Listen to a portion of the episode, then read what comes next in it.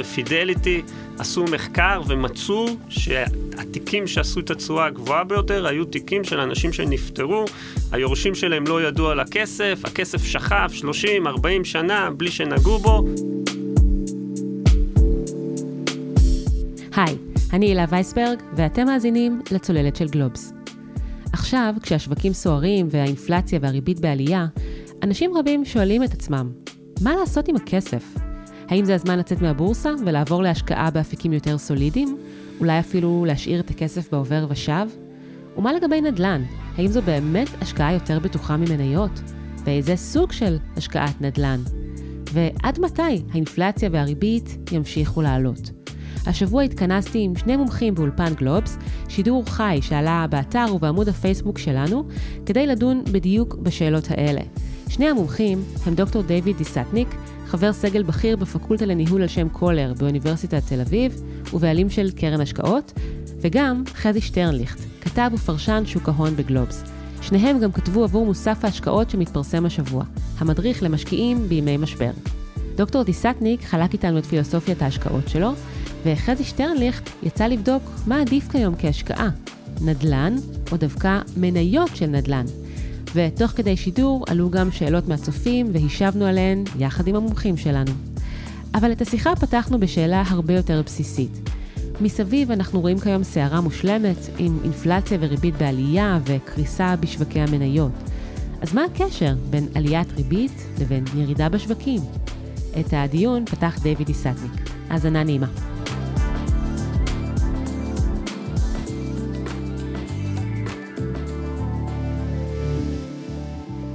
אז אפשר לחשוב על שלוש סיבות. Uh, הסיבה הראשונה היא שהכסף הופך להיות uh, יותר יקר כשהריבית עולה, יותר יקר לחברות לקחת הלוואות, יותר יקר לחברות להשקיע בצמיחה. חברות uh, בגלל זה משקיעות פחות בצמיחה.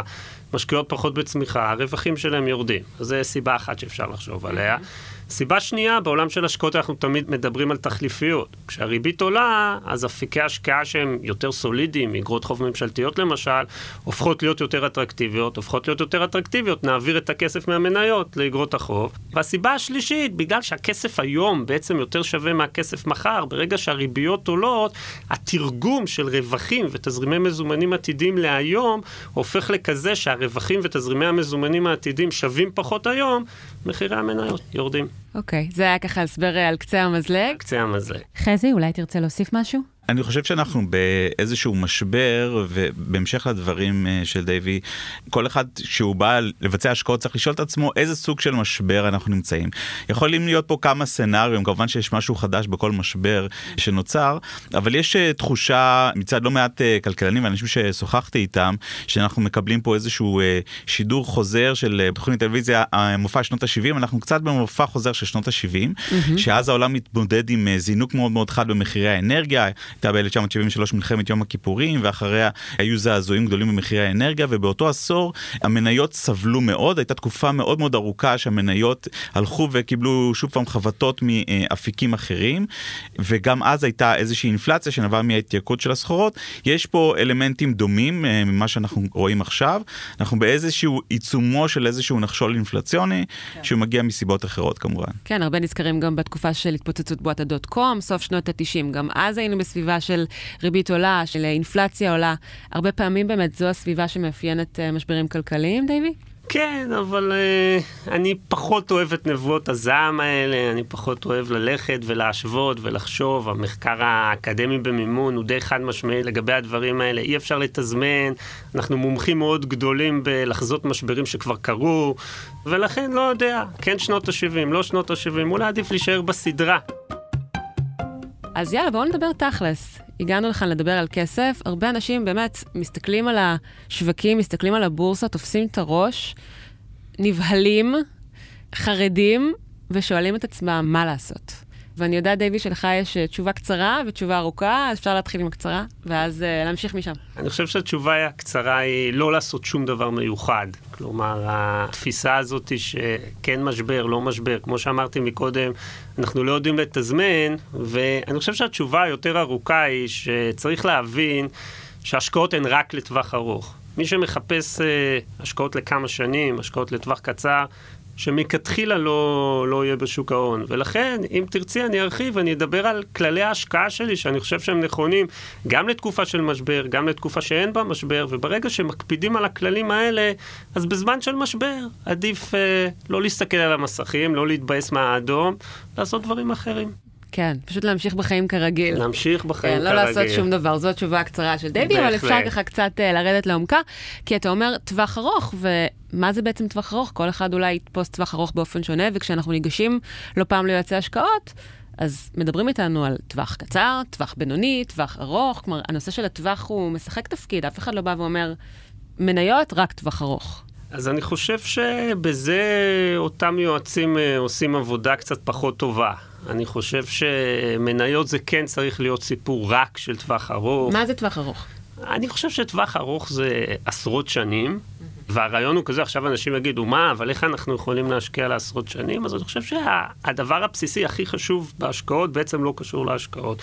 כל בן אדם, כל תא משפחתי, צריך לזהות את סכום הכסף שהוא באמת יכול להרשות לעצמו להשקיע לטווח ארוך. ומבחינתי סכום הכסף שבאמת בן אדם יכול להרשות לעצמו להשקיע לטווח ארוך, זה אותו סכום כסף שהוא יודע שגם אם חלילה, שימו לב, גם אם חלילה הוא מפסיד את כולו, חוץ מבאסה, שום דבר בחיים השוטפים שלו, פלוס בלת"מים שקורים לנו בחיים, לא הולך להשתנות. וברגע שזו התפיסה, אז אפשר באמת להשקיע לעשרות שנים קדימה. וברגע שמשקיעים לעשרות שנים קדימה, זה הופך להיות מאוד פשוט. כל עוד אנחנו מאמינים שהאנושות תתקיים, הכלכלה תמצא את הדרך שלה לצמוח. יהיו תקופות שהיא לא תצמח, יהיו תקופות של מיתון, אבל לטווח ארוך, כל עוד האנושות תתקיים, הכלכלה תצמח.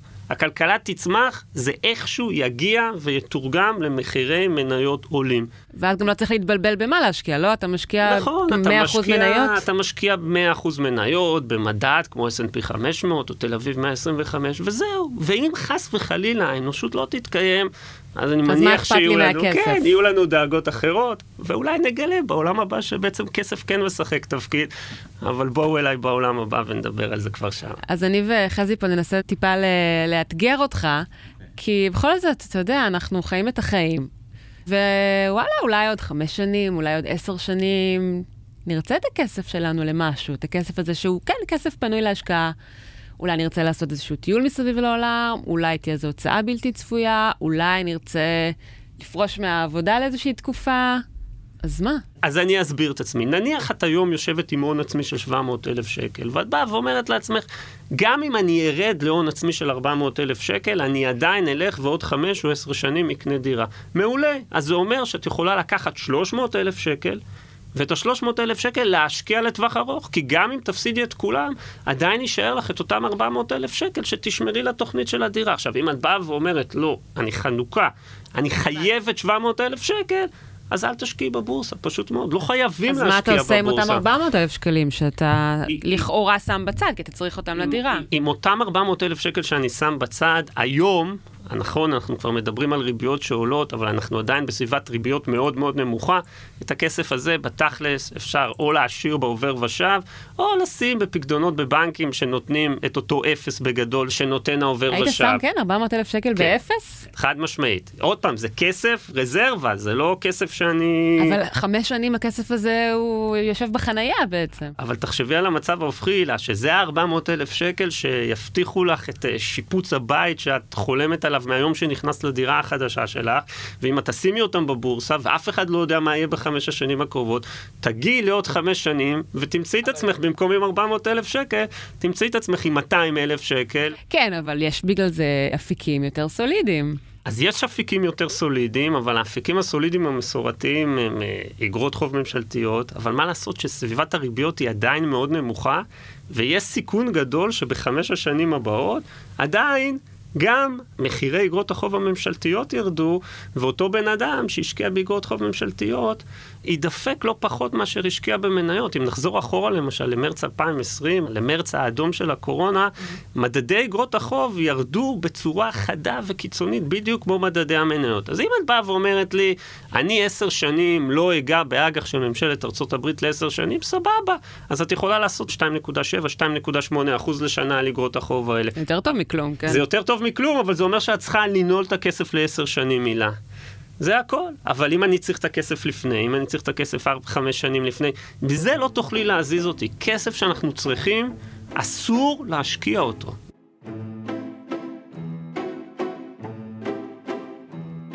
יוסף שואל, אילו סימנים כלכליים יעידו לדעתכם על תחילת הורדת הריבית ותחילת נסיגה של האינפלציה? בבקשה. הנגדים של הבנקים המרכזיים הם אלופים בלשדר את הטון של מה שהם אה, חושבים עליו. הם מדברים הרבה, הם הפכו להיות דברנים מאז הנגידים האחרונים האמריקאים, נהיו יותר אה, קומוניקטיביים, כן, אצל ברננקי ואצל אה, הבאים בתור, כמובן סטנלי פישר אצלנו. הדרך לעצב בה את המחשבות שלהם ואת התחושות שלהם, הם חולקים אותה בצורה מאוד uh, יפה עם הציבור, אז אנחנו נראה את הטון משתנה. כלומר, לקראת זה. כרגע הטון הוא חד משמעי ואפילו נחוש לגבי uh, העלאות ריבית, ראינו את זה בהחלטה האחרונה המאוד מפתיעה של בנק ישראל, הוא ממש ברף העליון ובזה הוא שידר uh, אפילו מהלך שהוא, בוא נגיד, מונחים כלכליים אלים, אז הנגידים יאותתו לנו שהם חושבים, יש להם מחשבות שאפשר להתחיל להוריד ריבית, אנחנו לא בעולם הזה, אנחנו כרגע בעולם של ריבית מטפסת. בוודאי, קודם כל צריך לראות uh, שהאינפלציה מרוסנת ואנחנו עוד לא שם. כן. אלכס שואל, במה להשקיע כיום 2 מיליון שקל? מה אפשר להגיד על דבר כזה? אני חושב שעוד פעם, היום זה לא שונה מבמה היה להשקיע את השני מיליון שקל האלה לפני חצי שנה או שנה. מה שאתה צריך לשאול את עצמך, אלכס, האם אתה באמת יכול להרשות לעצמך להשקיע את השני מיליון שקל האלה לטווח ארוך? אם אתה יכול להשקיע את השני מיליון שקל האלה לטווח ארוך, תקנה S&P 500, תקנה תל אביב 125, פסיכולוגית אתה רוצה להרגיש יותר נוח עם ההשקעה הזאת, אל תשקיע במכה אחת, אתה יכול להחליט שכל חודש, כל חודשיים, אתה מכניס כסף, חלק מהסכום, ובכלל לא מתחשב במחירים. קונה בלי להסתכל על המחירים. המחיר הנוכחי הוא סתם, הוא נוכחי, הוא רגעי. טוב, אני רוצה שנדבר עוד קצת ככה על העקרונות שמנחים אותך, דייווי, ואתה ככה כותב עליהם לא אחת, וככה קצת רמזת לזה, אני חושבת עכשיו, למשל הסוגיה של פיזור ההשקעה. נכון. אז כל התורה על רגל אחת, ארבעה עקרונות. עוד פעם, העיקרון הראשון, משקיעים רק כסף שאנחנו יכולים להרשות לעצמנו להפסיד את כולו. העיקרון השני, השקעות הן רק לטווח ארוך. בהקשר הזה, אנקדוטה נכבדה, אני לא יודע אם זה אגדה אורבנית, כן או לא, אבל זה סיפור שנחמד לספר. בפידליטי עשו מחקר ומצאו שהתיקים שעשו את התשואה הגבוהה ביותר היו תיקים של אנשים שנפטרו, היורשים שלהם לא ידעו על הכסף, הכסף שכב 30-40 שנה בלי שנגעו בו, ולכן רק טווח ארוך. יחד עם טווח ארוך, העיקרון השלישי, פסיבי. כמו שאמרתי, לא קונים, לא מוכרים, אנחנו לא יודעים לתזמן. המחקר האקדמי במימון הוא חד משמעי לגבי הנקודה הזאת. אנחנו אף פעם לא נדע מתי התחתית של המשבר, ואנחנו אף פעם לא נדע מתי השווקים נמצאים בשיא. הנה, אנחנו בתקופה מאוד קשה מתחילת השנה, אבל שבוע שעבר היה שבוע מדהים בוול סטריט, כן? זה יימשך היום, זה לא יימשך היום. נדמה לי שהחוזים העתידיים בבוקר מאותתים שזה לא יימשך היום. אי אפשר לדעת, ולכן אנחנו צריכים להיות פסיביים, כשמראש זה כסף שאנחנו יכולים להרשות לעצמנו להשקיע לטווח ארוך, אז אפשר להיות פסיביים, ולא צריך לנסות לקנות, למכור, לקנות, למכור. והנקודה האחרונה, כמו שאמרתי לה, להשקיע בצורה מפוזרת. מה זה אומר? דון קישוט כבר אמר את זה, לא לשים את כל הביצים בסל אחד. אני חושב שחז"ל כבר אמרו את זה, שלעולם בן אדם יחלק את הכסף שלו שליש למסחר ושליש לשים בצד. אז מדדים שונים. מדדים, כן. ומכשירים פיננסיים שונים, אז, אז ובתי כן, השקעות שונים. כן, ו... לפזר כמה שיותר. זה הכל. זו כל התורה. התורה על רגל אחת. גם בטור שלך וגם בשיחה המקדימה שלנו, דייבי, הזכרת איזשהו מחקר של בנק אוף אמריקה, אם אני לא טועה. נכון. אולי תזכיר אותו, כי אני חושבת שהוא אה, נכון, רלוונטי לימים אלה. נכון. אז המחקר של בנק אוף אמריקה הראה נתונים אה, מאוד פשוטים. הוא הראה שאם מסתכלים אה, 90 שנה אחורה על מה שעשה מדד ה-S&P 500 אה, בארצות הברית, אז אנחנו מגיעים לתשואה מאוד מאוד יפה של אלפי אחוזים. עכשיו, המחקר הזה בא ואומר, אם היינו יודעים לתזמן, אם היינו יודעים לתזמן, והיינו יודעים לוותר על העשרה ימים הכי גרועים שהיו בכל עשור, מאז 1930 עד 2020, היינו מגיעים לתשואה מטורפת של מיליוני אחוזים. אף אחד לא יכול לקלוט את המספרים האלה. אז הלוואי שהיינו יודעים לתזמן. אבל הבעיה היא שהמחקר האקדמי מראה שאנחנו לא יודעים לתזמן, והסכנה היא שאם במקום לפספס את עשרת הימים הגרועים, שזה דבר מצוין, היינו מפספסים את עשרת הימים הטובים בכל עשור, אנחנו היינו יורדים לתשואה על פני 90 שנה, תשואה מגוחכת של 28%. והמחקר האקדמי במימון מראה שמי שמנסה לתזמן... To time the market. בדיוק, כן, הוא יותר קרוב ל-28% מאשר למיליוני אחוזים, ולכן בואו לא נהיה עם עיניים גדולות מדי. כמו שאני אוהב להגיד, יש את הצו והארנבת מהמשל המפורסם, נהיה הצו, נהיה עקביים, נשקיע בניחותא, לא נסמוך על הכישרון שלנו, לתזמן, לצאת, לזהות, ונעשה תשואה יפה מאוד. ב-40 שנה האחרונות, ה-S&P 500, עם כל המשברים שהיו בדרך, עשה בממוצע תשואה של בין 7 ל-7.5 אחוז בשנה. זה נהדר, זה נפלא, לא צריך להיות עם עיניים גדולות. את כל הסיפורים על ההוא שהשקיע בביטקוין בעשרה סנט ופה ושם, בואו נשאיר לסיפורים. ולא צריך להתעסק כל כך הרבה עם כסף, זאת האמת. נעשה את ההשקעה הפשוטה. אוקיי, okay, אז uh, רק uh, שוב לפני שאנחנו מגיעים uh, לנדל"ן, זה המון פסיכולוגיה, ותשיבו על, על השאלה הזו שניכם, זאת אומרת, אנשים נתקפים, פאניקה. איך מתגברים? הקטע הוא שהבורסות, וזה איזושהי אמירה שאנחנו שומעים אותה הרבה פעמים מפעילים בשוק ההון, מה שנקרא... עולות במדרגות, עולות מאוד מאוד לאט על פני תקופה, ואז רוב הציבור שיש לו איזושהי השקעה במניות מדי פעם מסתכל ככה בחשבון הבנק, אה, עלה ב-10% התיק, עלה ב-6% התיק, כלומר אנחנו רואים איזושהי תשואות ואנחנו מתרגלים לזה, ואז בבת אחת הבורסות אה, out of the blue נופלות וזה יום אחרי יום ורואים את המסקים אה, נצבעים באדום וזה באמת באמת מאוד קשה לנטרל את הפחד הזה ואת הרצון הזה שלא להמשיך להפסיד כי רוב הציבור בסופו של דבר כשאז הוא נפתח מתחיל לראות את הבורסות נוגסות ברווחים שלו באופן מוחשי. ואז באמת מגיעים לאיזשהו שלב שצריך לשאול את השאלה. ופה קצת בניגוד לדייווי שיש נקודה וזה מאוד מאוד תלוי איפה כל אחד ואחד נמצא. אבל אם מישהו נכנס נגיד להשקעה לפני 10-12 שנה ונהנה מתשואה מאוד מאוד יפה על פני זמן של השווקים בין אם בהשקעה מפוזרת וכולי אבל השקעה שהיא מנייתית אולי זה נכון להסתכל עכשיו לא בשיא ההיסטריה, לא בימים של מפולות, לחכות קצת ולראות, לראות מה עשה התיק על פני זמן ולעשות אולי שינוי של העדפות באלוקציה של הנכסים שלו. כי זה צריך אה, לפני זה לבוא ולנסות לנתח את אה, תמונת העולם ולהגיד מול איזה משבר אנחנו מתמודדים.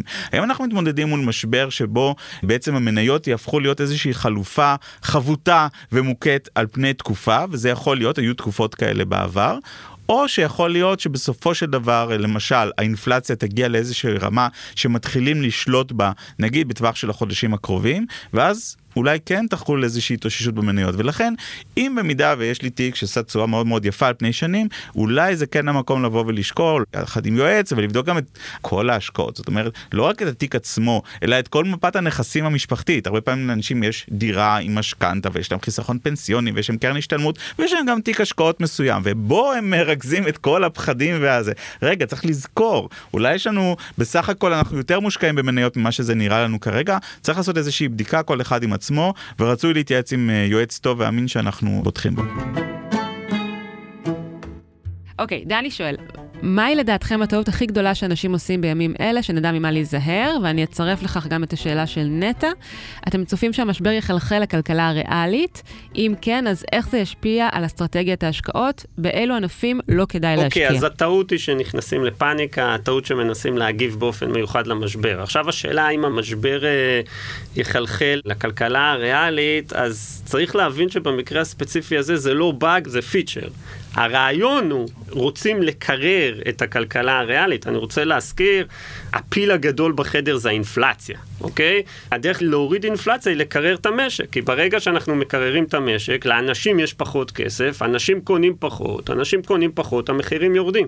אז ככה נלחמים באינפלציה. אז התשובה היא חד משמעית, המשבר יחלחל לכלכלה הריאלית. לגבי השאלה באיזה ענפים להשקיע, לא להשקיע, אז עוד פעם, אני מאלה שסבורים שלא צריך לנסות לתזמן ולא צריך לנסות להמר על ענפים, אבל מקובל להגיד שענף כמו הבנקאות, שבסך הכל נהנה מזה שהריביות עולות, כן? כי העסק של הבנקים זה אה, לקחת הלוואות ולתת הלוואות, וכשהריביות יותר גבוהות, אז הוא יכול לייקר את ההלוואות שהוא נותן. אז מקובל להגיד שבנקים יעשו טוב בתקופה הזאת. מה עם אנרגיה? אנרגיה כמובן קפץ, כי אנחנו כולנו זוכרים שבימי הקורונה העליזים, מאי 2020, מחירים של חוזה הנפט הגיעו לאפס, היום הנפט נסחר אה, יפה צפונה מעל 110, אבל מי יודע אם זה ימשיך מכאן, יכול להיות שדווקא עכשיו אה, להשקיע בחברות אנרגיה זה כבר מאוחר מדי. שרית שואלת, מה יקרה לנדל"ן כשהריבית עולה ואיך הריבית תשפיע על הדולר? קודם כל, אה, כשהריביות עולות, המשכנתאות מתייקרות, וזה מגיע בסופו של דבר למחירי הנכסים. אה, מחירי הנכסים בסופו של דבר הם רגישים גם לריביות עולות ומטפסות, כמו המניות, גם הנדל"ן אמור להגיב. גם צריך לזכור שריביות שעולות הן משפיעות אה, על הוצאות המימון של החברות עצמן, הן מגייסות יותר ביוקר. זה מה שנקרא שוחט להם את שורת הרווח הנקי, ובגלל שהן בסופו של דבר מתומחרות לפי הרווחיות שלהם, זה גם כן משהו שדרך לבטא את זה שהמחירים שהשווים שלהם הם יורדים. קיצר ריביות עולות זה לא איזשהו משהו שמח חוץ מאולי לבנקים כמו שדויד אמר. מחירי הדיור אמורים להתחיל בוא נגיד בישראל גם להתמתן יהיה נחמד. אני באופן אישי חושב שכן. כל מה שחזי אמר זה נכון, אבל אני חושב שזה יותר השפעה קצרת טווח. בסופו של דבר, מחירי הנדל"ן בישראל עולים כי הביקוש לדיור, אנחנו אוכלוסייה שגדלה, אנחנו אוכלוסייה שגדלה בצורה הכי משמעותית uh, במערב, הביקוש לדיור עולה על היצע הדירות, עולה על התחלות הבנייה, ולכן לטווח ארוך, אם לא תהיה תוכנית אמיתית, טובה, שתטפל בצד ההיצע, אז מחירי הנדל"ן יחזרו לעלות. כל עוד הדרך היחידה להוריד מחירי נדל"ן היא לבנות, לבנות ושוב לבנות. כל עוד לא יעשו את הדברים האלה, אז הריבית, כמו שחזי אמר, תהיה השפעה, אבל ההשפעה תהיה קצרת טווח. אז דבי, לגמרי הרמת להנחתה, כי אני חושבת שבימים האלה הרבה אנשים שיש להם כסף ותוהים מה לעשות איתו, באמת יוצאים מנקודת הנחה שהביקושים הם סך הכל קשיחים, ואולי נדל"ן זה המוצא הבטוח. וכשאני אומרת נדל"ן, אני מתכוונת לרכישה של אה, נכסים, ואולי השכרתם, כלומר השקעה בנדל"ן ממש במובן הכי פיזי, בקירות, כסף בקיר, כפי כן. שקרוי הפודקאסט הנדל"ן שלנו. ואילו ישנה עוד אפשרות שהיא להשקיע במדדים של הנדל"ן בבורסה. אז בוא ספר לנו, חזי, על הבדיקה שעשית. קודם כל, אה, דיברתי עם שני הצדדים, גם אנשי המכירות, או בוא נגיד אה, מנכ"לים של אה, חברות אה, בנייה, שלהם יש כמובן אינטרס למכור דירות, אבל רציתי לשמוע קצת את הרציונל שלהם, ומצד שני עם אנשים שמנהלים נכסים למחייתם, מנהלי קרנות השקעה פרטיות, שבאמת מסתכלים על שתי החלופות, או לקנות נכס לתוך הקרן, או להשקיע ממש במדדים.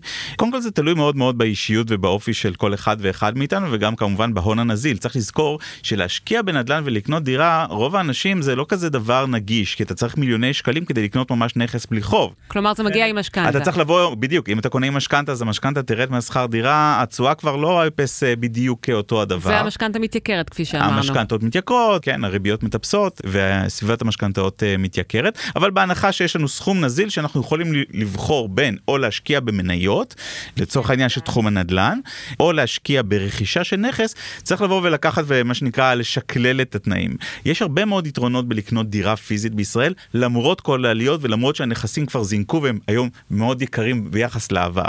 הראשונה שבהם היא כמובן שהשקעה בדירה בישראל כשאתה משכיר אותה, אתה פטור עד מדרגה מסוימת מתשלום אה, מס על אה, דמי השכירות. זה איזשהו שיקול מיסוי, הוא תכנון מס בוא נגיד הכי נפוץ כנראה בישראל, וצריך לזכור את זה שכשאתה משקיע חלופה של השקעה בבורסה, אתה תשלם מס על אה, רווחי הון ברגע שתממש אותה, תשלם כך וכך כל אחד לפי המדרגות שלו, אבל בגדול הבורסה לא מוגנת. מעבר לזה, הבורסה עצמה היא מאוד מאוד תנודתית, אפילו שאתה משקיע במדד שהוא נגיד מאוד סולידי, שנגיד צריך לזכור שנדל"ן זה מילה גדולה. עולם הנדל"ן, בוא נחלק אותו לשני חלקים עיקריים. יש חברות שמה שהן עושות בחיים זה לקנות נכסים ובעיקר להחזיק אותם ולהשכיר אותם. קוראים להם חברות נדל"ן מניב. בישראל יש להם איזושהי קומבינציה כזאת שהן גם בונות לעצמם את הנכסים, אה, גב ים ואמות, הן מדי פעם בונות, אבל יש להם איזה בנק הר גדול של נכסים שהן משכירות אותו כל הזמן, ואז כמשקיע אתה נכנס להשקעה, לצורך העניין אם זה במניה או אפשר גם באיגרת החוב שלהם, לאיזושהי השקעה שהיא יחסית, היא אמורה להיות יותר סולידית, ויש גם השקעה ישירה בחברות הבנייה עצמן. זה ממש חברות שאנחנו משאימות שם כדימברי, שיכון ובינוי, כל החברות האלה שממש קמות בבוקר יכולות לבנות דירות ולמכור אותן. גם הם מאוד מאוד נהנו מהעלייה של מחירי הדיור, והם גם סבלו מאוד מאוד כשהשתנו פני הריבית, כי ישר השוק נבהל מזה שיהיו להם פחות לקוחות. והבורסה ברבות השנים היה לה מדד אחד גדול שהוא היה מוטעה בגישה שלו שקראו מדד תל אביב נדל"ן שהוא כלל את הכל וזה לא נכון ובאמת לפני שנתיים עשו פיצול ופיצלו בין מדד תל אביב בינוי היום שקיים ומדד תל אביב אה, יש מניב ישראל ויש מניב חו"ל אבל יש חלוקה מאוד מאוד ברורה איך אתה רוצה להיכנס לתחום הזה. הבורסה בדיוק התכוננה לשידור שלנו והיא ממש פרסמה לפני כמה ימים שאם קנית לפני 10 או 11 שנים השקעת במדד תל אביב נדל"ן אז כמובן זו הייתה החלופה היחידה והשקעת מול החלופה של לקנות דירה ממוצעת בישראל, אז המדד הנדל"ן, אם לא הסתכלת, כמו שדייווי הציע, לאורך התקופה הוא עושה הרבה יותר, הוא עשה משהו כמו 300 ומשהו אחוזי תשואה, כשהדירה לא עלתה כל כך הרבה. שוב, יש פה הרבה הנחות סמויות, צריך לזכור שהנדל"ן היה שקט, כשהבורסות אה, היטלטלו, המשיך לטפס לו באיטיות, דמי שכירות עם הסוחרים המשיכו לשלם. מצד שני, צריך לזכור שכשאתה משכיר, אתה הופך להיות מעין חברת נדל"ן, אתה מנכ"ל של חברת נדל"ן, צריך לטפל בפיצוצים בצנרת, יש לך שוכרים, יכול להיות תקופות שהנכס יעמוד ריק, גם אם בישראל זה נשמע שזה לא אפשרי. אז זה בעצם מציף את אותה סוגיה שבעצם דיוויד דיבר עליה, כי אנחנו לא יודעים לתזמן את השוק, אז עד נכון, כה נכון. המניות הללו אה, טיפסו בצורה אה, על פנומנלית. פני זמן המניות ייתנו תשואה עודפת על פני הדירות, למרות שזה נראה שהן סופר תנודתיות וכולי. אוקיי, אבל עכשיו אנחנו בזמן משבר, אנשים רוצים משהו אבל יש, יותר ודאות יש, או יותר בטוח. בסופו של דבר כל אחד ובוא נגיד תיאבון הסיכון שלו. יש אנשים, וזה אמרו לי מנהלי מכירות, שהם יודעים שכשהיו מפלות יומיים שלושה בבורסה, המשרד של המכירות של הדירות הולך להתמלא מחר בבוקר באנשים, כי הם ראו את התיק שלהם קורס בבת אחת ביום אה, חמישי, ובשישי הם ישבו עם חברים אולי לשולחן אה, השישי בערב, והם מה עושים, מה עושים? די, מספיק עם זה, אני רוצה שקט נפשי, וזה מה שבאמת הדירה מספקת. באמת שקט נפשי או שזו אשליה של שקט נפשי? אם אתה קונה דירה באזורי הביקוש בישראל שהיא יחסית חדשה, בוא נגיד שהיא תספק לך סוג של שקט נפשי שבורסה שיכולה יום אחד לבוא ולטלטל לך את כל התיק ולגרום לך לחשוב מי נגד מי ומה, אז הדירה תיתן יותר שקט נפשי. צריך לזכור שגם היו משברי נדל"ן בעולם, כן, נכון, 2008 בארצות הברית אנשים שקנו אה, כן. נדל"ן הפסידו את המכנסיים. זה מגיע ביחד. כשיש משבר גדול במחירי הדיור, בדרך כלל הבורסה לא תהיה משהו, מי יודע מה הייתה מקודם השאלה הזאת אם uh, השווקים יחלחלו לכלכלה הריאלית, אני חושב שהתמונה היא הפוכה. השווקים הם בבואה, אני חושב שגם דבי אמר את זה, של הכלכלה הריאלית. אנחנו קודם כל מסתכלים על הכלכלה הריאלית, אינפלציה, ריבית, ומזה הבורסות מגיבות לזה. כלומר, הבורסות זה מין איזושהי נגזרת של זה, זה כמו ילד קטן וצרכן שמקבל כל הזמן מהגננת את האו מנת סוכר שלו, שזה הריבית לאורך השנים, שהיא מאוד נמוכה, הוא מקבל את האינפלואו הזה, ובסופו של דבר אולי מתפתחות בעיות מסוימות בגלל אה, כל הסוכר הזה, ואז בבת אחת יש איזשהו משבר והילד צורח ורוצה, במקרה הזה נגיד ריבית נמוכה כדי לחזור לחגוג, וזה לא הולך לקרות. הבורסות היא איזושהי בבואה היסטרית של עולם הנכסים, וצריך להבין את זה. והנדל"ן בסופו של דבר, בסקאלה היותר ארוכה של הזמן, הוא שקט, הוא איזושהי חלופה יותר שקטה. זה שיכולים להיות משברים בוודאי. כל מה שחזי אמר הוא כמובן נכון, אני רק רוצה להוסיף שני דברים. אחד, שוכחים שנדל"ן הרבה פעמים קונים עם משכנתה, זה ממנף את התשואה, כן? נכון. אף אחד לא ילך לבנק ויקבל אה, הלוואה של מיליון וחצי שקל לקנות מניות, הוא כן יקבל אה, הלוואה אה, לקנות דירה. זה דבר אחד. דבר שני, גם במציאות הישראלית, ארוחת יום שישי, נבוא להורים, נספר להם שאנחנו רוצים uh, לקנות דירה, ושמענו uh, בפודקאסט, שמענו את חזי אומר שבעצם עדיף במקום לקנות דירה, לקנות את המניות של חנן מור, או האורה, או פרשקובסקי, ובשביל זה אנחנו רוצים 600 אלף שקל, נקבל כאפה יחד עם הארוחת יום שישי.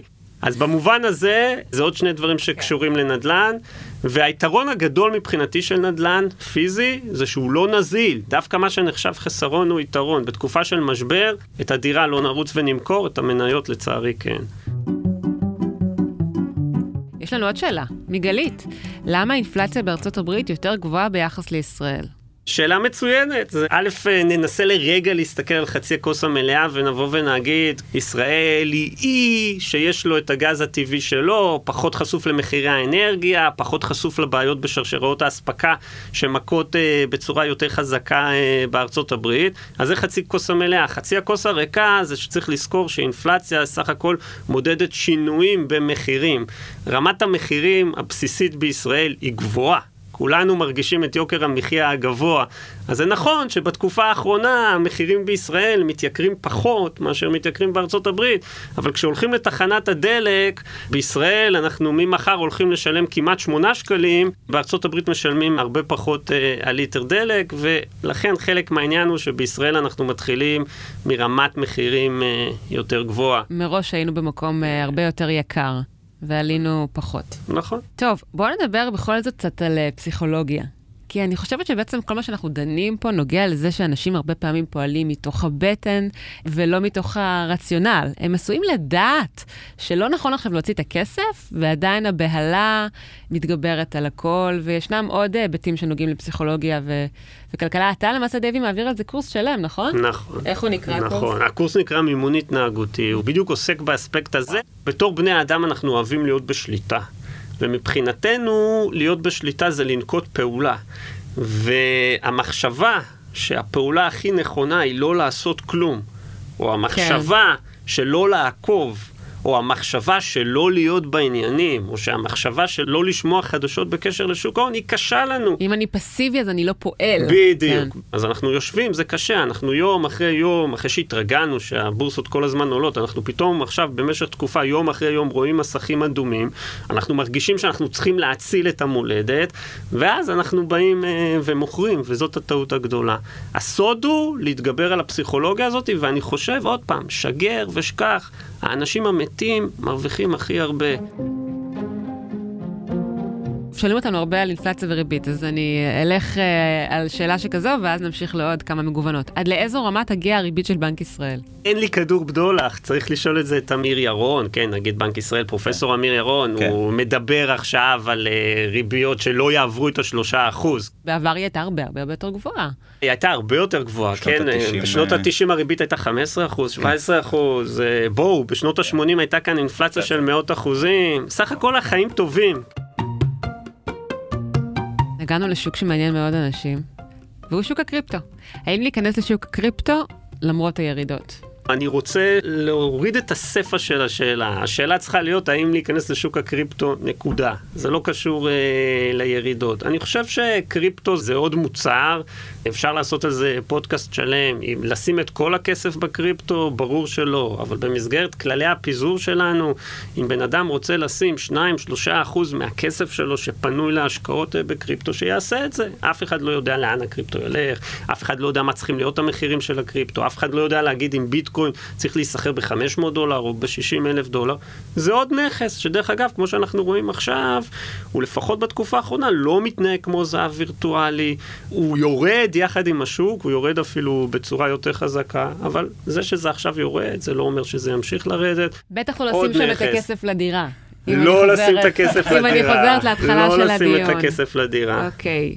אז חזי, שאלה שהיא מאוד מאוד מתאימה לך, מאחר שדיברנו על, אה, על נדל"ן, אז שואלים אותנו לגבי בעצם מניות הנדל"ן, כן. האם מדדי נדל"ן או קרן ריט? ונסביר אולי מה זו קרן ריט. אוקיי, כמה מילים על קרן ריט ולא הרבה בגלל שאין בישראל הרבה חלופות. קרן ריט זה איזושהי המצאה של האמריקאים שאני חושב שהיא צצה בשנות ה-70 או שנות ה-80 שאמרה בעצם רעיון כזה בואו נאפשר לאיזשהו מבנה כמו קרן נאמנות בישראל אבל קרן בסופו של דבר שקונה נכסים לתוכה. לוקחת את כל השכירות ומשלמת אותו כדיבידנד. בגדול זה הרעיון.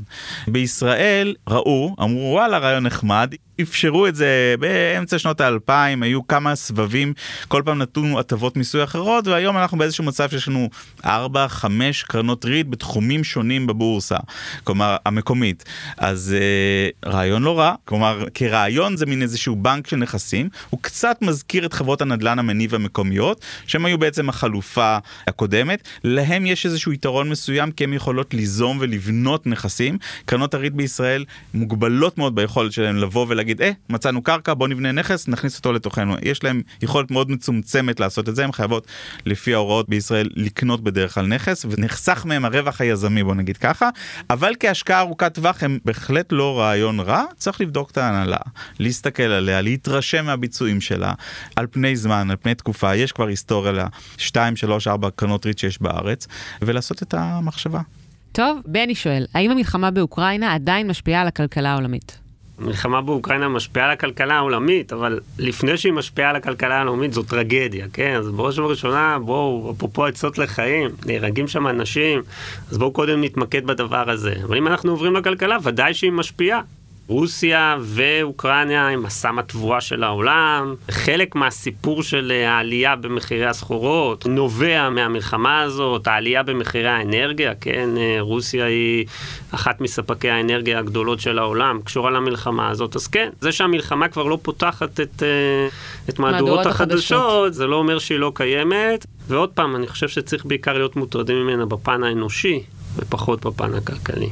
אוקיי. עידית שואלת, חזרנו לריבית ולאינפלציה, האם האינפלציה בישראל נמוכה בגלל שהשקל חזק, ומה יקרה עכשיו כשהוא נחלש? הכל משפיע, אבל אני באמת מציע לעידית אה, לא לנסות אה, לעסוק אה, בתחזיות האלה. יש דברים נסתרים, לא נבין, לא נדע. בואי ניתן לדברים להתגלגל, בואי ניתן אה, לדברים להתפתח. המחקר בתחום מראה שמי שמנסה לבנות את התחזיות האלה, בתכלס בסופו של דבר לא מצליח, ולכן עדיף פחות לנסות לעשות את התחזיות, ופחות לתת משקל לאנשים שנותנים תחזיות כאלה. ההתייחסות לענייני מטבעות, שמטבעות הם הרבה יותר תנודתיים וקשים לניתוח מנכסים אחרים כמו נגיד מניות או אגרות חוב שמאחוריהם עומדת איזושהי חברה, אפשר לנסות להבין אותה, לפחות להבין את האנשים שעובדים ואיפה היא הולכת, לא תמיד זה עוזר הרבה, אבל זה לפחות משהו ומטבעות ממש ממש קשה, כי זה ממש ברמה הלאומית לפעמים לנסות לצרטט איזושהי תמונת עולם שלא עוזרת בסופו של דבר, אז קשה מאוד לחזות מטבעות ולאן הם הולכים. אני חושב שבמצב משברי כזה כן כדאי לקחת איזושהי נקודת זמן של ללכת אחורה, להתייעץ עם אה, מישהו שאנחנו סומכים עליו, מישהו שיכול להסתכל על כל תיק הנכסים שלנו, כמובן לא לקבל החלטות בהיסטריה, כשהמסכים ממש אדומים, ממש, אה, זה לא הזמן. רצוי לכבות, לנתק ולהסתכל עליהם אחרי, אבל כן לעשות איזושהי נקודת ניתוח, כל אחד לפי המצב שלו. זאת אומרת, מי שכבר נמצא הרבה שנים בשוק ורשם איזושהי תשואה מאוד מאוד חיובית, אני כן חושב שזה הזמן בהחלט לעשות אה, איזושהי נקודת מבט, לחשוב, אולי לבצע מה שנקרא ריאלוקציה בתיק הנכסים, כן להסתכל על כל תיק הנכסים, כולל הפנסיה, כולל קרנות ההשתלמות, כולל הדירות, כל הדברים שאנחנו מחזיקים בהם, כדי להבין מה הרכיב של התיק שלנו, השוק הוני לצורך העניין, מתוך אה, עוגת הנכסים, ומי שהתמזל מזלו והוא עכשיו מאוד מאוד נזיל, צריך לזכור שתקופות כאלה של משברים הם אולי גם הזדמנות, גם את זה אפשר uh, לזכור. טוב, היה מרתק, חברים, אולי נתכנס פה שוב. חזי שטרנליכט ודוקטור דיוויד דיסטניק, תודה רבה שהגעתם לאולפן שלנו. עד כאן עוד פרק של הצוללת. אתם יכולים למצוא אותנו באתר גלובס, בספוטיפיי או בכל אפליקציות פודקאסטים. נשמח אם תעשו לנו subscribe, ואם אהבתם, שילחו את הפרק לחברה או חבר שאתם אוהבים. עורכי הסאונד הם אור שמיר וניר לייסט. בצוות הצוללת חבר גם אורי פסובסקי. אם יש לכם מחשבות, הצעות, תגובות או שאלות על מה ששמעתם ובכלל על כלכלה, אתם מוזמנים לשלוח לי מייל בהילה, H-I-L-A, מקף W, את G-L-O-B-E-S, נקודה co.il, ויכול להיות שגם נשיב על השאלות שלכם כאן בצוללת באחד הפרקים הבאים. אפשר גם למצוא אותי ואת שאר חברי הצוללת בפייסבוק ובטוויטר. תודה לכולכם שהאזנתם, אני הילה וייסברג, נתראה בפעם הבאה.